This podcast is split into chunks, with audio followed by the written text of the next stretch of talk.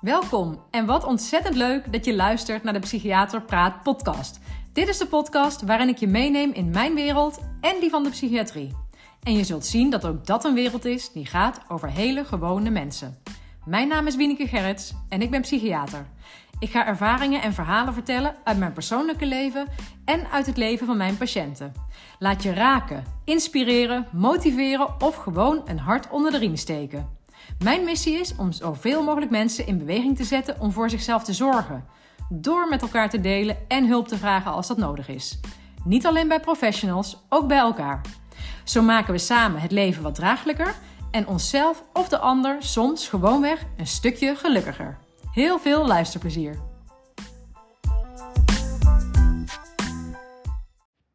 Goedemorgen allemaal. Maandagochtend 17 april 2023 Welkom bij de Psychiater Praat podcast. Wat leuk dat je luistert.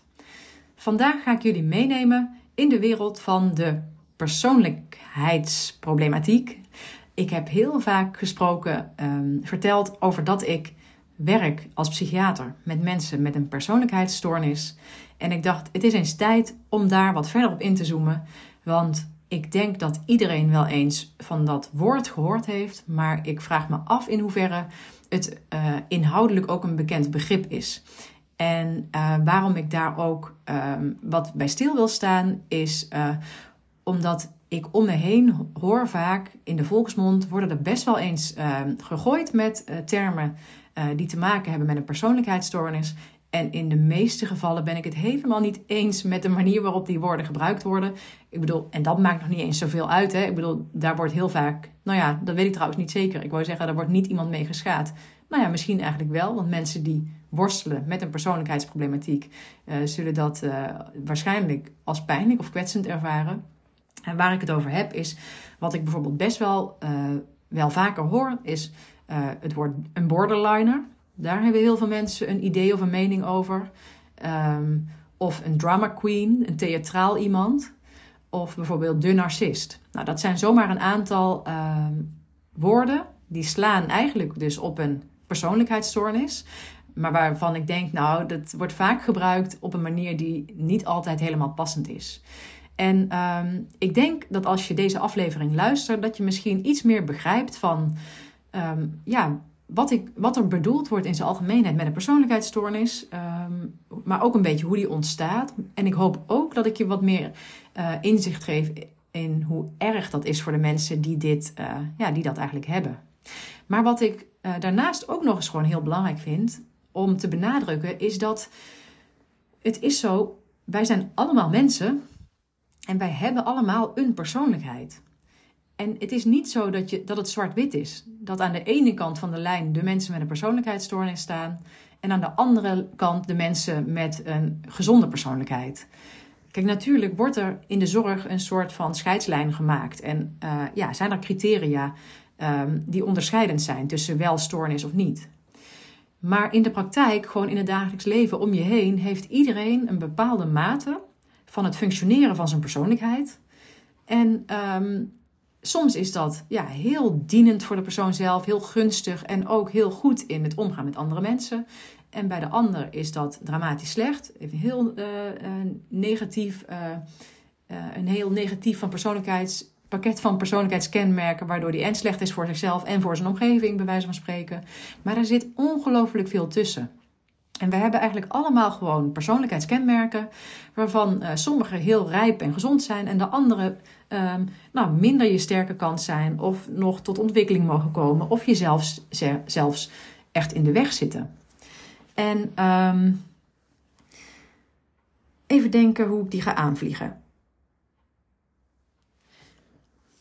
ja, laat ik eens starten met uh, uit te leggen dat uh, een persoonlijkheid, dus gewoon de persoonlijkheid van mensen, dat is eigenlijk een theoretisch concept. He, want het is niet iets ja, wat je heel, uh, heel hard kunt maken, zeg maar. Ja, er is heel veel, heel veel slimme koppen hebben hier al decennia, eeuwenlang over nagedacht. En constructen voor opgesteld. Er is heel erg veel gekeken naar hoe functioneren mensen en hoe kunnen we dat vatten in, ja, in omschrijvingen van persoonlijkheden. Um, en er zijn gewoon meerdere verschillende theoretische concepten waarop uh, de definitie persoonlijkheid is gebaseerd. En nou ja, als jullie mij een beetje kennen, weten jullie ook dat ik hier niet een heel erg uh, hoorcollege van wil maken, deze aflevering. Het wordt een beetje, het is mijn sausje, zeg maar. Het is mijn manier van hoe ik dit uitleg. Maar in ieder geval, uh, in het theoretische concept wat, waar ik me op baseer en waar een heel groot deel van de wereld zich op baseert, is dat er eigenlijk drie kernconcepten zijn van het persoonlijkheidsfunctioneren. En ja, die gelden gewoon voor iedereen. Drie onderdelen zou je kunnen zeggen, op basis waarvan je ja, kunt kijken van hoe functioneert, hoe, functioneert iemand. Um, het ene onderdeel is het zelf, zeg maar zelf met een hoofdletter als concept. Het tweede is het interpersoonlijke, het interpersoonlijk functioneren. En met interpersoonlijk wordt eigenlijk bedoeld tussen personen, dus hoe jij met anderen uh, functioneert, in de omgang met anderen. Ik ga deze concepten dadelijk ook nog wat uitgebreider uitleggen hoor. Dus uh, ja, wees gerust. Volgens mij wordt het redelijk uh, behapbaar. En het derde is je coping of je afweer. En dat, dat betekent eigenlijk je probleemoplossend vermogen. Dit zijn drie hoofdonderdelen waarover je iets kunt zeggen als je iets wilt zeggen over hoe iemand zijn, ja, als persoon functioneert of zijn persoonlijkheid functioneert. Um, maar voordat ik dat wat verder wil gaan uitleggen, wil ik eigenlijk eerst uh, toelichten um, hoe zich dat uh, in zekere zin ontwikkelt, waar dit vandaan komt. Waar komt hoe, hoe wordt de een uh, persoonlijkheid X en de ander persoonlijkheid Y? Zeg maar. waar, waar, waar, wordt, waar ontstaat dat? Waar wordt dat op gebaseerd? Nou, daar zijn ook heel veel wetenschappelijke onderzoeken naar gedaan. Dus dat is niet alleen maar theorie, zeg maar. Dat is, ja, of tenminste, dat is wel echt wetenschappelijk onderbouwd. Um, je kunt eigenlijk zeggen dat uh, ongeveer, ja, grosso modo, zeg maar, 50% van hoe je persoonlijkheid uh, in je volwassen tijd wordt, wordt uh, bepaald door genetische factoren, dus hoe je ter wereld komt. En 50% van jouw persoonlijkheid ontwikkelt zich onder invloed van de omstandigheden, de context waarin je opgroeit. Dus je komt eigenlijk al ter wereld met een soort aanleg voor bepaalde persoonlijkheidstrekken. Maar dat betekent niet per definitie, hè, dat, dat bepaalt niet meteen het eindresultaat. Je begint met een bepaalde set genen en in die genen ligt opgeslagen dat je aanleg hebt voor bepaalde persoonlijkheidstrekken. Maar vervolgens is het uh, de periode waarin jij gevormd wordt, dus dat is eigenlijk je hele uh, kindertijd, je hele jeugd, je adolescentie, totdat je volwassen wordt, dus eigenlijk tot in je twintigste ergens. Uh, die hele periode bepaalt hoe jij je ontwikkelt en wat er tot wasdom komt. En um, dus eigenlijk ligt er al uh, bij je geboorte een deel opgeslagen van jouw functioneren op het gebied van het zelf, van het interpersoonlijke en van je probleemoplossend vermogen. En dat wordt daarna nog ja, uh, aangevuld of uh, ja, gevormd in het leven wat je daarna leidt. En zeker dus in die vormbare periode, voordat je volwassen bent. En wat we bijvoorbeeld ook weten is dat mensen die, bij wie een persoonlijkheidsstoornis is vastgesteld op volwassen leeftijd, dat er bij hen in de familie veel meer uh, bij mensen een psychische stoornis is vastgesteld. Dus het komt vaker samen voor ook nog eens. Dat wil niet zeggen dat dan familieleden ook een persoonlijkheidsstoornis hebben. Het kunnen ook andere problemen zijn, zoals angststoornissen of depressies of psychotische stoornissen uh, of uh, nou, et cetera. Uh, maar we weten dat dit vaker samen voorkomt. En dat kan misschien wel betekenen dat dat genetisch is, dat dat in de genen ligt opgeslagen, een bepaalde kwetsbaarheid om een psychische stoornis te ontwikkelen. Maar het kan ook zijn dat die persoon, bij wie een persoonlijkheidsstoornis is vastgesteld, juist door de context met familieleden met psychische stoornissen, zeg maar, um, daar ja, hinder van heeft ondervonden. Hè? Of dat het een effect heeft gehad op zijn persoonlijkheidsontwikkeling. Dat weten we natuurlijk niet precies. Wat we weten over de context is dat het ongelooflijk belang, belangrijk is dat er eigenlijk een stabiele en veilige relatie is met een opvoeder.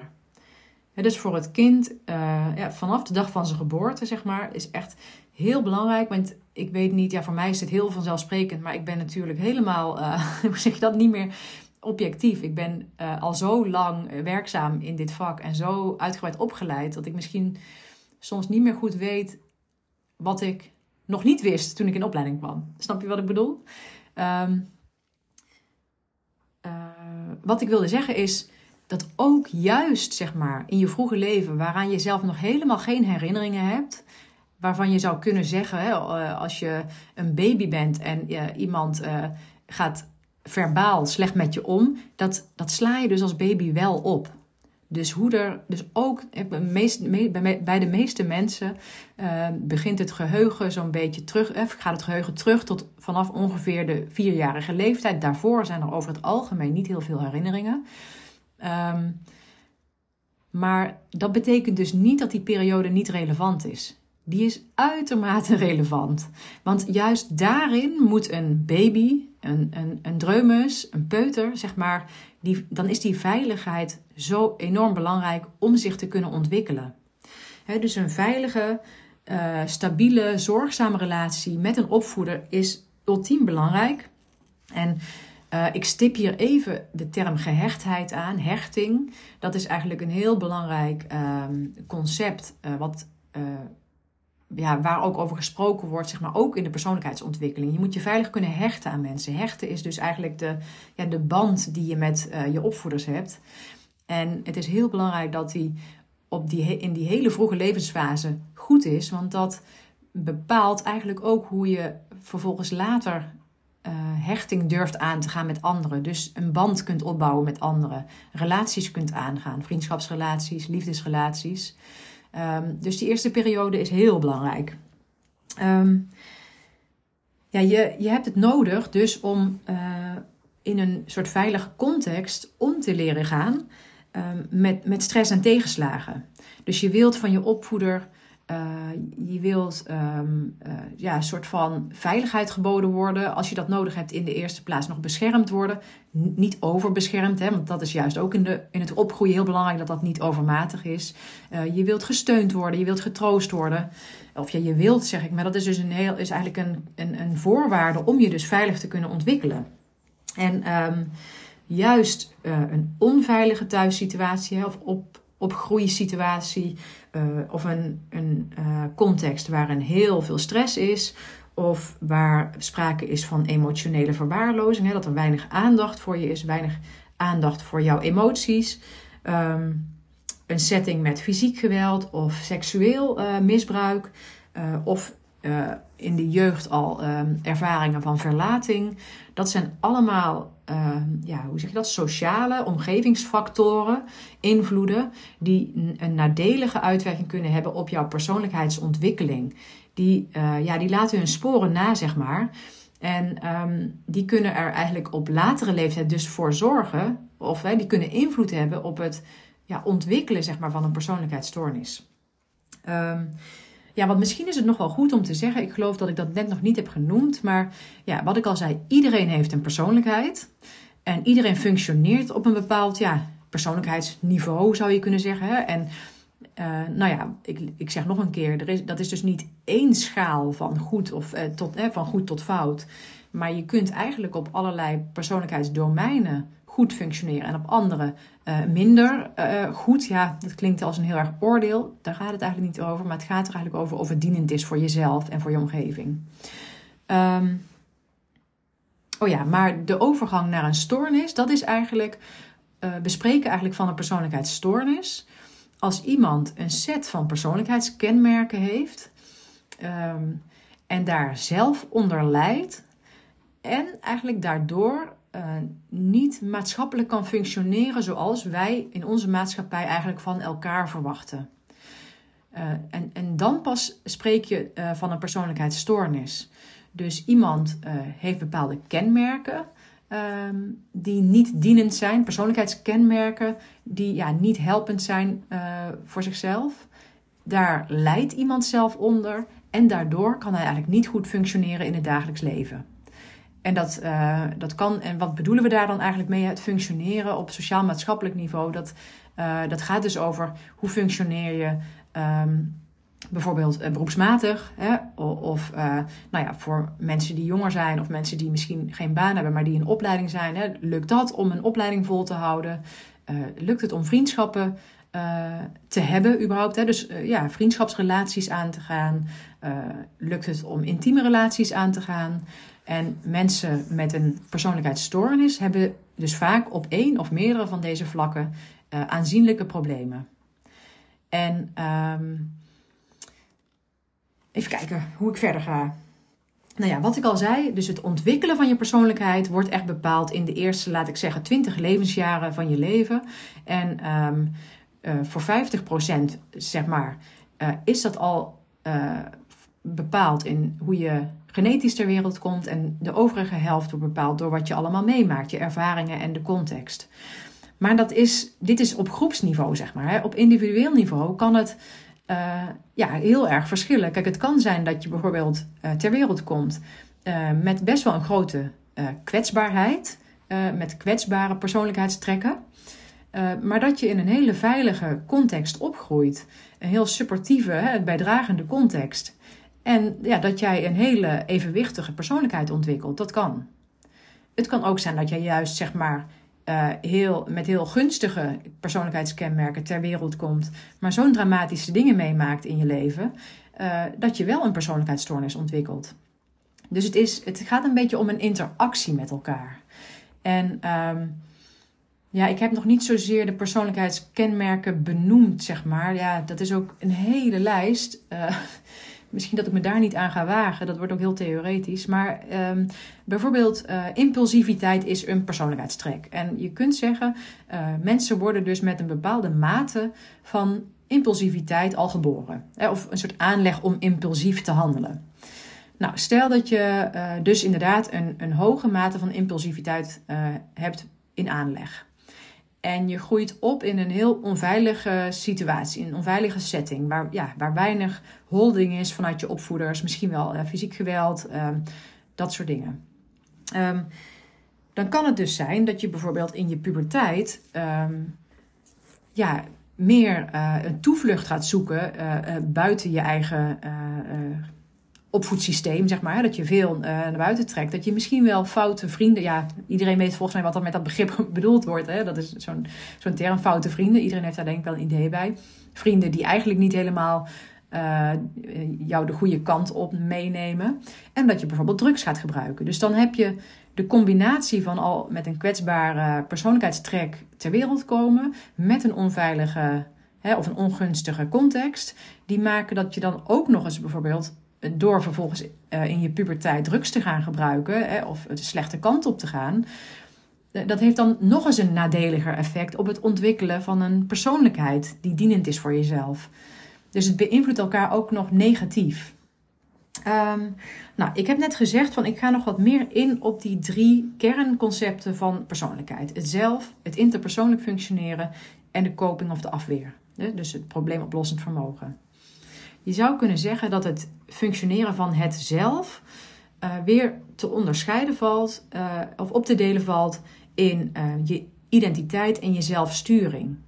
Dus hierin ligt ook heel erg besloten, zeg maar, hoe, hoe kijk je naar jezelf? hoe is je zelfbeeld? Um, ja, hoe kun je op een eigenlijk adequate manier jezelf beschouwen als uh, nou ja, dat je zowel eigenlijk gewoon positieve dingen van jezelf kunt omschrijven. En dat je misschien ook wel weet van, oh ja, er zijn dingen waar ik minder goed in ben. Of waar ik minder makkelijk in ben in de omgang met anderen. Of dat je goed kan reflecteren op jezelf. En, een, ja, en, en onder de streep, zeg maar, ja, een oké zelfbeeld hebt. Tevreden bent over jezelf. Zonder jezelf heel erg op te blazen of zo. Um, maar daar kan ook een verstoring in zitten. Patiënten met wie ik werk hebben heel vaak een heel negatief zelfbeeld. En dat is dan dus bijvoorbeeld ontstaan uh, tegen een achtergrond van een heel uh, negatief opvoedmilieu. Uh, zelfsturing gaat ook over, nou ja, bijvoorbeeld die impulsiviteit valt daar ook onder, maar gaat er ook over, um, ben jij, heb jij geleerd uiteindelijk, hè, nu, je volwassen bent, heb jij geleerd um, om jezelf eigenlijk in het leven ja, te reguleren, te sturen. Um, en dan moet je niet uh, horen als, uh, ja, als heel strak of zo, hè, of heel, heel controlegericht. Dat is, wordt eigenlijk niet meer bedoeld, maar het gaat erover van, ja, kun je in het leven nastreven wat je belangrijk vindt? Hè? Neem jij een soort van regie over de richting waar je in gaat? kun je keuzes maken die passen eigenlijk bij, bij jouw identiteit, bij wie jij bent? En um, heb je vervolgens ook discipline om bijvoorbeeld iets vol te houden. Als je een keuze maakt, bijvoorbeeld om een opleiding uh, te gaan volgen uh, met, met het doel om een bepaald beroep te gaan uitoefenen. heb je ook de zelfsturing om uh, dat te blijven volgen, die opleiding. En om aan de opdrachten te voldoen. Hè? Dus om uiteindelijk je diploma te halen. Dus dat gaat heel erg over het jezelf, ja, het jezelf reguleren en sturen in het leven. En um, ook daarin, als dat dus niet helemaal uh, tot wasdom is gekomen, dan kan het dus zijn dat je heel moeilijk vindt dat je bijvoorbeeld heel vaak aan iets nieuws begint, maar het nooit afmaakt. En op zichzelf is dat, zou je kunnen zeggen, niet erg. Hè? Als, als dat is wat jij prettig vindt, oké. Maar heel vaak zul je zien dat je daardoor ja, um, ook heel vaak uh, dat het invloed heeft op het zelf. Want bijvoorbeeld, je hebt heel vaak faalervaringen. Uh, Iedere keer lukt iets niet. Hè? Of ja, uh, slaag je ergens niet in. En dat heeft vaak ook weer invloed op hoe je jezelf ervaart.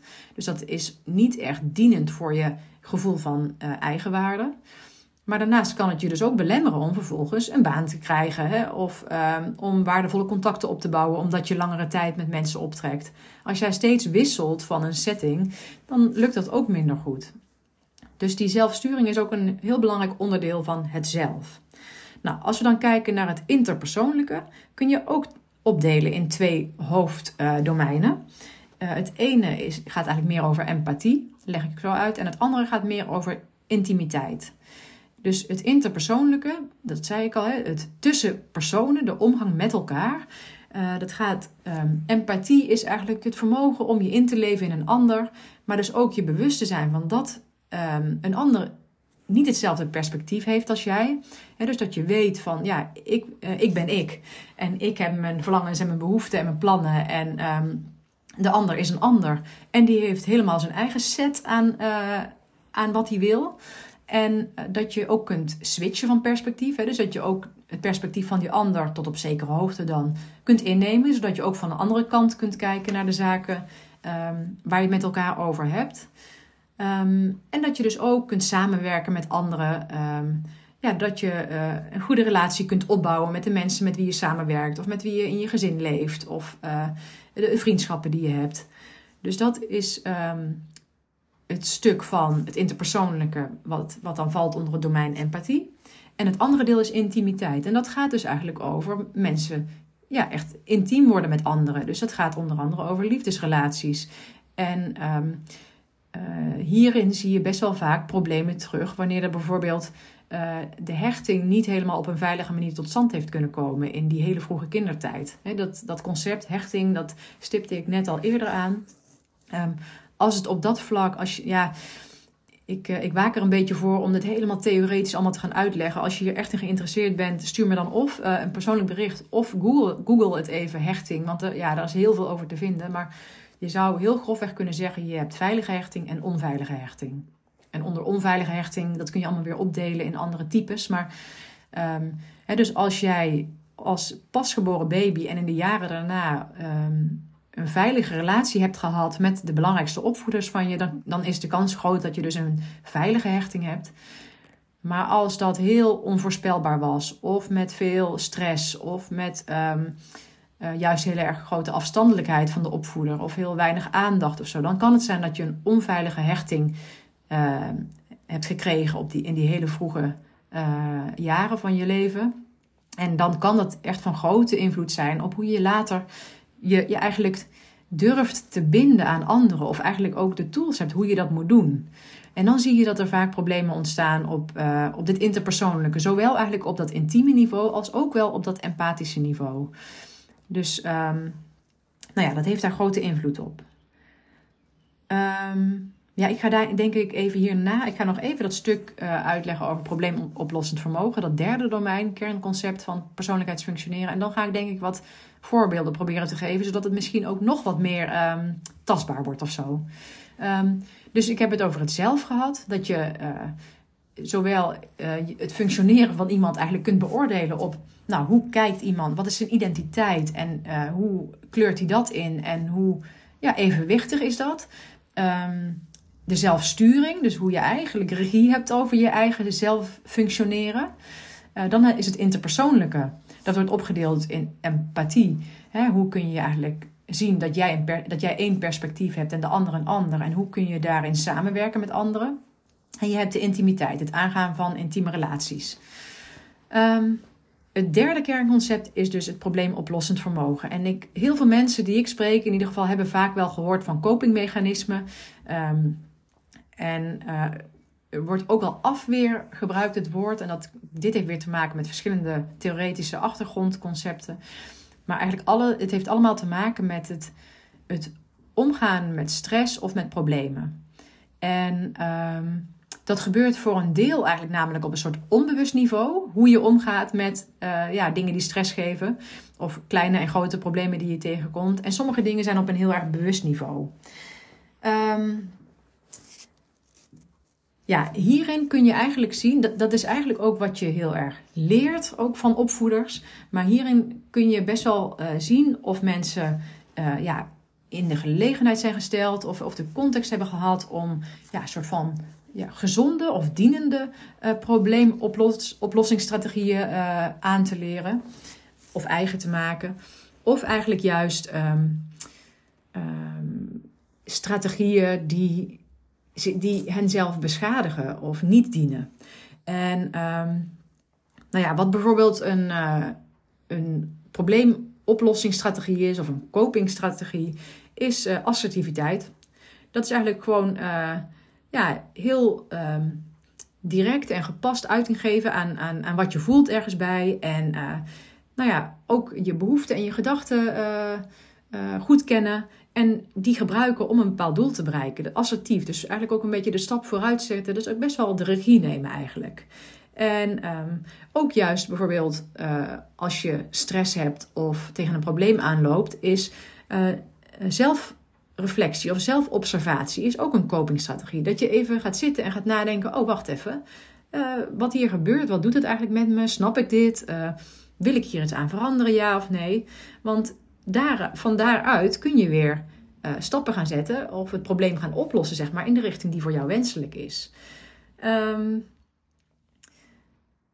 even denken, wat, nou bijvoorbeeld humor. Humor is ook een, een copingstrategie een copingmechanisme. Waar, waarmee je sommige dingen. Uh, ja, eigenlijk reflecteer je dan ook, ook op een situatie. Um, maar ja, je, je, je erkent er de situatie ook mee. Dus je geeft, oh, je valideert het ook. Je, uh, als je, nou ja, dan kan ik hier bijvoorbeeld even een voorbeeld van mezelf uh, overgeven. Um, moet ik nu ineens aan denken, had ik niet voorbereid. Maar Um, ik heb wel eens vaker verteld dat ik uh, geboren ben met een handicap aan mijn linkerhand. Daar ontbreken de vingers. Nou, uh, nou kennen jullie waarschijnlijk allemaal wel uh, in de supermarkt bij het schap met alle koek en snoep, zeg maar, heb je de lange vingers als koekjes, hè, van die dingen. Nou, toen herinner ik me nog een keer dat ik in een vriendengroep zat en dat iemand zo'n ja, zo'n verpakking bij zich had. En ehm, dat hij zei van, goh, wil iemand er nog een lange, wil, wil, sorry, wil iemand nog een lange vinger? En dat ik opkeek en dat ik zei, oh ja, prima, doe mij er maar vijf. En daar werd toen wel om gelachen. En dat was, het was ook niet sarcastisch van mij. Het was eigenlijk veel meer. Eigenlijk gaf ik daarmee ook mezelf uh, aandacht voor mijn, uh, voor mijn handicap. Maar het was niet vervelend. En, maar ik liet daarmee wel zien van, ja, ik heb dit, dit is er. En uh, ik, ja, zeg je dat? Het gaf eigenlijk een heel prettig, uh, want het is eigenlijk een probleem, zeg maar, mijn handicap, ja, zou je kunnen zeggen. Maar door er ook humor af en toe bij te gebruiken, helpt me dat ook. Nou, dus ik heb nu een paar voorbeelden gegeven van, um, ja, uh, gezonde of helpende probleemoplossende mechanismen. Um, maar je kan ook veel minder helpende mechanismen hebben. Dat kan bijvoorbeeld uh, zijn als je. Uh, ja, dat, er zijn allemaal woorden voor bedacht, maar uh, bijvoorbeeld heel impulsief zijn en dan niet nadenken over de gevolgen en daarmee eigenlijk jezelf toch in de vingers snijden in die end, zeg maar. Dus eigenlijk, en dat is ageren wordt dat dan genoemd, maar dus eigenlijk maar gewoonweg doen zonder na te denken en daar, daarna op de blaren zitten. Dat is eigenlijk ook een, een, een copingstrategie die jezelf niet helpt. Of juist um, uh, helemaal zelf niet uh, de regie nemen. Dus je komt een probleem tegen, iets wat, uh, waar jij last van hebt. En je, ja, je gaat zeg maar in de slachtofferrol. Hè? Of je geeft het meteen uit handen. Je, zegt meteen van, hoe, jullie moeten mij helpen, want ik kan dit niet aan. En je neemt dan eigenlijk niet de eigen verantwoordelijkheid.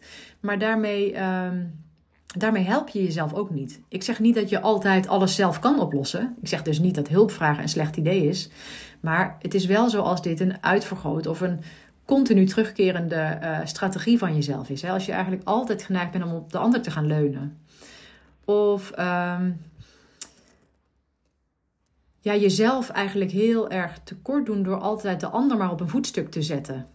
En um, ja, dus eigenlijk daarmee jezelf devalueren. Jezelf helemaal niet uh, op waarde schatten, zeg maar. Dat is ook helemaal niet helpend. Um, of dus inderdaad bijvoorbeeld middelen te gaan gebruiken. Uh, uh, wat ik net ook zei, maar bijvoorbeeld drugs gebruiken of alcohol gebruiken. Dat is ook een, als je je vervelend voelt, bijvoorbeeld een manier om je even niet vervelend te voelen. Maar op de lange termijn is het natuurlijk ongezond en slecht voor je. Um, heel erg gaan vermijden. Vermijden is op zichzelf ook een copingstrategie. Gewoon problemen uit de weg gaan, nare gevoelens uit de weg gaan, conflicten met anderen uit de weg gaan. Gewoon door er letterlijk van weg te lopen. Ja, daarmee los je ze ook niet op en daarmee um, geef je ook niet een boodschap aan jezelf van hé, hey, dit kan ik oplossen. Dus het geeft ook heel vaak een, uh, heeft heel vaak een negatieve uitwerking op ja, je gevoel van eigenwaarde. Nou, of gewoon uh, uh, ontkennen dat het er is. Dus eigenlijk uh, gewoon maar eraan voorbij lopen dat je je slecht voelt. En gewoon oogkleppen op en maar doorgaan.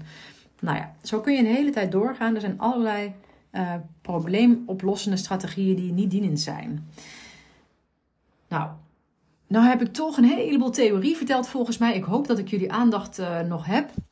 Um, want ja, dit is een, een, een, een deel van ons vakgebied waar ik, ik zou hier uren over kunnen praten. Maar uh, ik ben zelf ook iemand die liever niet naar hele droge kost luistert. Dus uh, nou ja, ik ga proberen er, er even een beetje wat uit die theorie te gaan en, en iets meer nog uh, het wat levendiger te maken.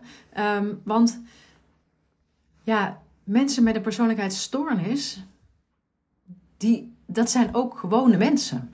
En het zou heel goed kunnen zijn dat jij in jouw netwerk, van of het nou uh, de straat is waarin je woont, of uh, de mensen met wie je samenwerkt, uh, of je familie, of je collega's, zeg maar, of in je vriendengroep, het zou heel goed kunnen zijn dat daar iemand zit die eigenlijk met een persoonlijkheidsstoornis loopt.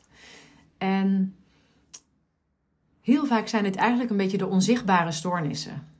Want ik denk dat als jij mensen kent met een psychische stoornis, dat dat vaak best wel duidelijk kan zijn. Ook niet altijd natuurlijk hoor, maar iemand met een depressie is, uh, ja, zeker als je dichtbij staat, op een gegeven moment wel goed te herkennen. Uh, iemand ziet er somber uit, dat zie je al aan zijn gezichtsuitdrukking, dat zie je in zijn gedrag. Uh, iemand ligt de hele dag in bed of, ja, of, of uitzicht de hele tijd somber. dat is best wel, als je dat van dichtbij meemaakt, wel duidelijk aan iemand te zien. Of iemand met een, uh, met een angststoornis, een sociale angststoornis, die niet meer onder de mensen durft te komen. Um, ja, misschien heb je dat ook niet door als je niet heel uh, nauw bij iemand betrokken bent. Maar als het je huisgenoot is of een goede vriendin en die, die, die komt nooit meer onder de mensen, dat gaat wel opvallen. Dat zie je eigenlijk wel. En dan zie je ook dat iemand eronder lijdt. Maar mensen met een persoonlijkheidsstoornis zijn vaak best wel alleen, omdat het niet meteen zo herkend wordt. Het wordt er wordt ook wel eens gezegd, ja, dat zijn de lastige mensen. Ja, dat, en dat is in zekere zin misschien ook wel zo. Want ik heb net uitgelegd dat het een van de drie kernconcepten van een persoonlijkheid is het interpersoonlijk functioneren. Hoe je functioneert in omgang met anderen. Dus heel vaak zijn dit ook de mensen die inderdaad ja, wat lastiger zijn. Dat, dat kunnen de irritante collega's zijn of zo. Die, uh, uh, ja, waarbij je, waarbij je snel in conflict raakt. Terwijl je denkt, huh, ik ben helemaal niet iemand die eigenlijk snel een conflict heeft. En waarom raak ik met deze persoon nou altijd in de problemen? Dat kan best wel zijn dat die persoon op het gebied van het interpersoonlijk functioneren problemen heeft. Dat kan. Um, maar uh, dus heel vaak uh, hebben zij last. Uh, zijn het de mensen die worden gezien door de buitenwereld als ingewikkelde of lastige mensen? Maar dat is niet het enige aspect daarvan. En dat weet je eigenlijk naar wat ik net heb allemaal uitgelegd. Maar heel vaak zijn het ook mensen die dus ook enorm met zichzelf in de knoop zitten. Die enorm lijden en zich alleen voelen. En een heel negatief beeld over zichzelf hebben. En um, inderdaad heel uh, lastig vinden om hun leven richting te geven. Omdat ze misschien niet eens heel goed weten uh, wat hun eigen behoeften of verlangens zijn. En um, hebben ze gewoon niet de, de, de manieren aan kunnen leren om, uh, uh, om inderdaad bijvoorbeeld een, een, een belangenconflict uh, met een ander, om dat op een adequate manier op te lossen. En um, ja, dat eigenlijk zijn het mensen die enorm lijden. En wat er zichtbaar is aan de buitenkant is heel vaak. Hè, wat, nou, omdat ik in het begin noemde ik bijvoorbeeld al de borderliner of zo. Hè. Ik weet niet in hoeverre jij daar uh, wel eens van hebt gehoord of een idee bij hebt. Of uh, dat dat in de volksmond wel eens gebruikt wordt. Maar uh, heel vaak worden, worden, dat, worden zij gezien als mensen die op een hele foute manier om aandacht vragen. Want dat zijn bijvoorbeeld de mensen die zelfmoordpogingen doen. En, um, en daar dus in het ziekenhuis komen. En het, het is, uh, ik heb dat dan al een keer eerder genoemd, maar er zijn zelfs ook bijvoorbeeld onder artsen of, of verpleegkundigen, zeg maar, hulpverleners, die deze mensen um, um, moeten behandelen, die ook echt denken van, oh, dat gaat lekker, hè? Uh, is het niet gelukt? Had je soms aandacht nodig of zo? Nou, dit is echt, op, dat is eigenlijk een soort van hertraumatisering voor deze mensen. Want denk je nou echt dat iemand voor de lol, zeg maar, een, een suïcidepoging doet, een, een zelfmoordpoging doet, alleen maar voor aandacht. Kijk, misschien in de kern gaat het daar inderdaad wel om. dat, dat er inderdaad een, echt een groot tekort aan aandacht is geweest. Juist in die jonge levensjaren waarin dat zo belangrijk was. En heeft die persoon helemaal niet op een gezonde, adequate manier kunnen leren hoe je de aandacht wel krijgt. Maar het is hen echt niet te doen om een ei over de bol van de dokter te krijgen, zeg maar. Het is heel vaak gewoon een wanhoopsdaad. Het is heel, en bijvoorbeeld ook impulsief. Dat kan dan ook nog eens uh, daarbij komen. Hè? Een heel impulsieve daad om te denken: ik stap uit het leven, want het leven levert mij niets op. Het zijn vaak hele eenzame mensen. Uh, heel ja, zij lijden heel vaak, er is heel vaak heel veel somberheid, hebben inderdaad heel weinig waardevolle vriendschappen of intieme relaties. Het leven is voor hen een lijdensweg. En dan is er wel eens inderdaad een impulsief moment dat ze denken: ik maak er een eind aan.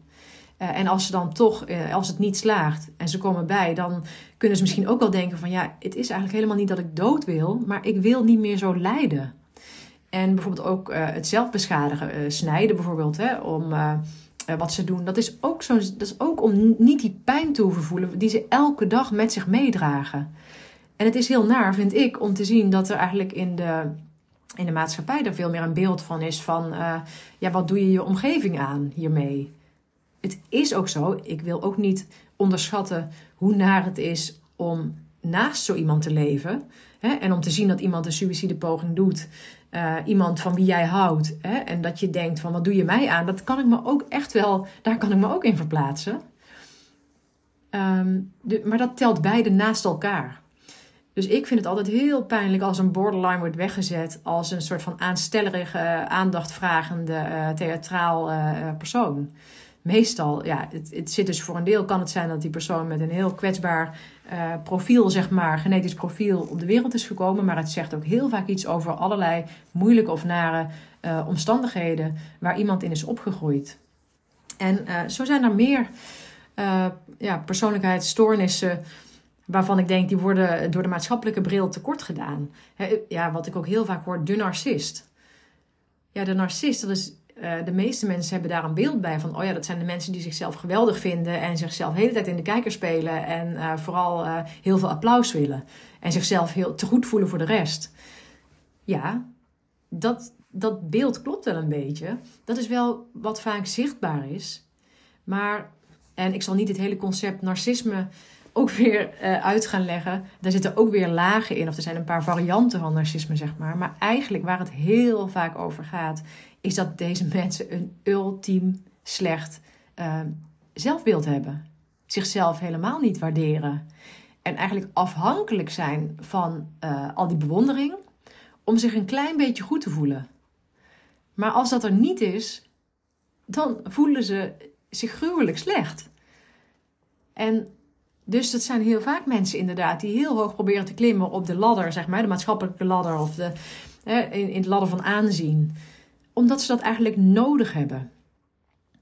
En um, dat wordt vaak misschien ook wel gezien door mensen eromheen. Maar daar is dus niet alles mee gezegd. Het, het is eigenlijk heel pijnlijk als je dat nodig hebt om je een beetje goed te kunnen voelen. Zij kunnen zichzelf dus moeilijk hè, zelf de waardering geven die eigenlijk misschien adequaat zou zijn. Want ja, mijn, mijn overtuiging is ook: iedereen verdient gewoon waardering. En ja, oké, er zijn ook mensen die echt anderen weer slechte dingen aandoen en zo. Dat, dat moet voor mij ook niet. En dingen die strafbaar zijn, zijn strafbaar. Maar in, in de kern geloof ik erin dat iedereen ter wereld komt eigenlijk met een soort onschuld. En um, ik vind het juist heel pijnlijk dat mensen uh, niet in uh, goede omstandigheden opgroeien en daardoor inderdaad vervelende mensen worden of nare mensen worden of nare dingen doen. Maar bijna altijd gaat dat gepaard met zichzelf ook heel slecht voelen. En daar wil ik altijd heel graag aan bijdragen om daar iets aan te doen. En wat ik zie, uh, ik heb dus eigenlijk de, de uiterste daarvan uh, leren kennen door daar heel veel mee te werken. De uiterste bedoel ik, hè, mensen die echt ernstig persoonlijkheidsgestoord zijn, daar uiteindelijk voor bij mij komen. Want dat is ook nog zo'n ding. Het is niet zo dat je bij de huisarts komt en dat je zegt: Hé, hey, ik heb ergens een probleem. En dat je zegt: Oh, ik denk aan een persoonlijkheidsstoornis. Ik stuur je door naar de psychiater. Nee, heel vaak komen mensen met bijvoorbeeld depressieve klachten hè, of, of andere uh, of angstklachten of zo. Uh, gaan allerlei reguliere eerste lijnsbehandelingen in. Of tweede lijnsbehandelingen. Hè, wordt steeds wat meer of langduriger of intensiever. En juist wanneer je merkt van hé, hey, de gewone behandelingen voor bijvoorbeeld een depressie werkt niet na jaren van zoeken kun je zien van hé, hey, er zit in jouw persoonlijkheid een belemmerend functioneren, zeg maar. Nou ja, um, dus ik heb uh, jarenlang met mensen gewerkt met een ernstige uh, persoonlijkheidsstoornis. Dus ik heb, dat, ja, ik heb daar zeg maar heel veel zicht op gekregen, heel veel patroonherkenning. Uh, ik, ja, ik, ik, begrijp persoonlijkheidsfunctioneren denk ik enorm goed. en daarom, um, of niet daarom, maar dat maakt dat ik het ook ontzettend leuk vind om eigenlijk met alle mensen te werken die uh, met een vraag komen, die, die om hulp komen vragen. Dat is ook waarom ik het heel leuk vind om als coach te werken. En dat zijn dus niet altijd uh, mensen met een, of bijna nooit zijn dat mensen met een persoonlijkheidsstoornis. Maar uiteindelijk zijn de dingen waar ze tegenaan lopen ook terug te voeren op kenmerken in de persoonlijkheid. En ik weet niet of je daar zeg maar nou, ik, ik denk, persoonlijkheidsstoornis schrikt behoorlijk af. Hè. Daar zit een behoorlijk negatief stigma op, een behoorlijk label. Dus misschien als je nu luistert en je denkt, hoe, als je bij Winneke voor coaching komt, dan, uh, oh help, dan wordt je persoonlijkheid aangepakt. Nou, hè, dat, dat, dat daar een beetje een negatieve connotatie bij zit, dat hoop ik eigenlijk niet. Ik zie dat juist als iets van, van ons allemaal. Het is heel normaal om af en toe te worstelen met jezelf. En, en je persoonlijkheid, hoe je functioneert, is aan de ene kant heel steady door je leven heen. Maar je bent ook altijd in ontwikkeling. En um, ik heb dat zelf eigenlijk ook ervaren. Om dan uh, maar weer eens mezelf als voorbeeld te nemen. Um, ik heb denk ik een, een behoorlijk gezond, evenwichtig persoonlijkheidsfunctioneren. Maar in de tijd dat ik vastliep met werk, omdat ik pijn kreeg in mijn heupen en niet goed kon zitten en minder kon werken en zo, dat was dus eigenlijk een levensgebeurtenis, hè, of die, die aandoening aan mijn heupen, zeg maar, was een omstandigheid waardoor ik uh, me, weer moest gaan aanpassen. Ik, ik werd eigenlijk uitgedaagd om me weer te ontwikkelen. En wat ik toen zag was, als ik het dan terugvoer op de, de concepten van de persoonlijkheidsfunctioneren, dan denk ik dat zowel mijn probleemoplossende strategieën als ook um, de zelfsturing, zeg maar, die twee stukken, de zelfsturing wat onder het zelf valt, dat ik me op die stukken weer wat meer heb mogen ontwikkelen. Want mijn op, probleemoplossingsstrategie van aanpakken, doorzetten, hè, dus heel assertief zijn en zo. Of ja, die, die op een gegeven moment zaten die me ook wat in de weg. Ik moest eigenlijk veel meer teruggaan en rust nemen, minder actief uh, aan de slag gaan. Maar ook de zelfsturing. Op een gegeven moment was ik vooral aan het functioneren op wat ik dacht dat er van me verwacht werd. En ik was wat minder gefocust op wat zijn mijn eigen behoeften, maar ook wat zijn mijn eigen vermogens op dit moment? Wat kan ik? Wat past bij mij? En om daar mijn keuzes op te baseren. Dus ik, ik baseerde mijn keuzes, bijvoorbeeld van het reïntegreren en het aantal uren wat ik ging werken per week en de plekken waar ik ging werken, dat baseerde ik allemaal ook op wat er van me verwacht werd. En um, dat paste eigenlijk niet. Ik ben te lang door gaan lopen, waardoor ik mezelf te lang heb overbelast. En pas toen ik eigenlijk echt durfde aan te kijken van hé, hey, maar wat heb ik nodig? Dus eigenlijk de regie nam en die zelfsturing, eh, dat roer weer overnam, toen ging het beter met me. Dus het functioneren van je op persoonlijkheidsniveau mag, mag ook in ontwikkeling zijn. En is ook door de dingen die je in je leven komt, ja, moet je dat soms ook een beetje herijken. En, en ga je ontdekken van, oh, uh, jarenlang, uh, of nog nooit, ben ik eigenlijk tegen dit stuk aangelopen. Maar nu is het wel tijd om hier wat nou, in te vernieuwen of te verfrissen of uh, verder te laten uitrijpen. En nou wil ik eigenlijk niet zeggen dat je daar vaak zelf zo naar hoeft te kijken hoor. Van, uh, oh, op welk domein van persoonlijkheidsfunctioneren uh, heb ik wat te leren. Nee, dat is vaak gewoon iets wat, wat gebeurt. Je, je loopt ergens tegenaan, je hebt ergens een probleem mee en je gaat daar hulp bij vragen. Ik kijk met je mee en dan kan ik misschien wel een idee hebben van op welk domein het zit. Maar het is niet zozeer dat we in die termen met elkaar praten. We gaan gewoon kijken van wat heb je nodig, uh, welke richting wil jij, op welke op welke punten uh, stroomt het op dit moment niet. Ik ga heel erg naast je staan en met je meekijken. En dat is de manier hoe ik werk. Dat is een manier hoe ik altijd heb gewerkt al als psychiater en wat ik nu ook doe als coach. En eigenlijk verschilt dat helemaal niet zoveel van elkaar. Of het, hoe ik naast iemand ga staan, dat verschilt niet zoveel van elkaar. De problemen waar iemand mee worstelt, die verschillen misschien wel in ernst van elkaar en soms ook, op, ook, ook in waar iemand tegenaan loopt. Maar uiteindelijk gaat het er allemaal om van naast elkaar staan. Goed kijken van wat is je probleem? Waar heb je op dit moment last van? En dan ook vooral van waar wil je heen? Wat, en, en daarvoor, en dat weten mensen heel vaak niet, heel vaak is dat ook juist waar je wat meer aandacht aan mag geven. Van wie was ik ook alweer? Wat wilde ik ook alweer van het leven? Of misschien heb je daar nog wel nooit bij, gedacht, bij nagedacht. En is het tijd om dat een keer wel te doen? Om te kijken van ja, hoe wil ik eigenlijk op de lange termijn mijn leven vormgeven? Wat vind ik eigenlijk belangrijk? Nou, ik hoop dat ik jullie in deze lange aflevering, zie ik, echt een beetje heb kunnen meenemen in wat is nou persoonlijkheid? Wat is persoonlijkheidsfunctioneren? En wat is een persoonlijkheidsstoornis? Um, en aan de andere kant weet ik ook van, ja, dit is maar ja, drie kwartier zie ik al, erg lang. Maar dit is ook eigenlijk alleen maar al van uh, een stukje over dit verhaal. Want er is zo ontzettend veel over geschreven, zo ontzettend veel onderzocht. Er zijn zo ontzettend veel behandelmethoden hiervoor.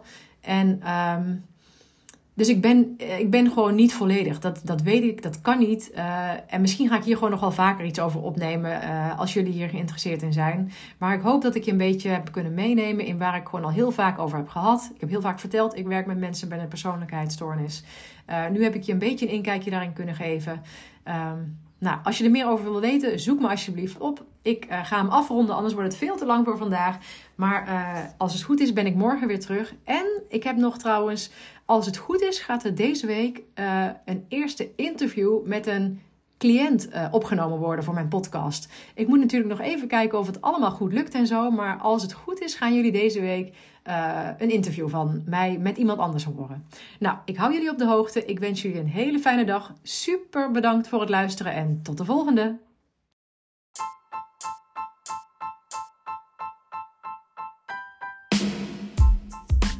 Ha, ik vind het echt super leuk dat je mijn aflevering beluisterd hebt. En nogmaals, heel erg bedankt daarvoor. Hopelijk heeft het je ook aangesproken. En wil je me dat laten weten? Dat kan via mail naar info.wienekegerrits.nl, een bericht via Instagram, waar ik te vinden ben onder Wieneke underscore of op LinkedIn onder mijn eigen naam. Ik vind het heel leuk om ook jou beter te leren kennen en te weten wie er luistert. Jij kunt ook anderen inspireren door mij te taggen, bijvoorbeeld in je stories of je feed op Instagram. En wat jij van mij kunt doen, is in jouw podcast-app waar je deze beluistert, een review achterlaten. Bijvoorbeeld een aantal sterren. Wil je dat doen? Zo kom ik erachter of en hoe mijn podcast gewaardeerd wordt en wordt hij beter vindbaar voor anderen. Overigens kun je je ook abonneren op deze podcast in je app. Hoe dat per app werkt, weet ik niet precies, maar vaak is er een knop subscribe, abonneren of volgen en dan krijg je automatisch een berichtje of in je app te zien als ik een nieuwe aflevering heb geplaatst. Maar nogmaals, super, super, super dank en tot de volgende!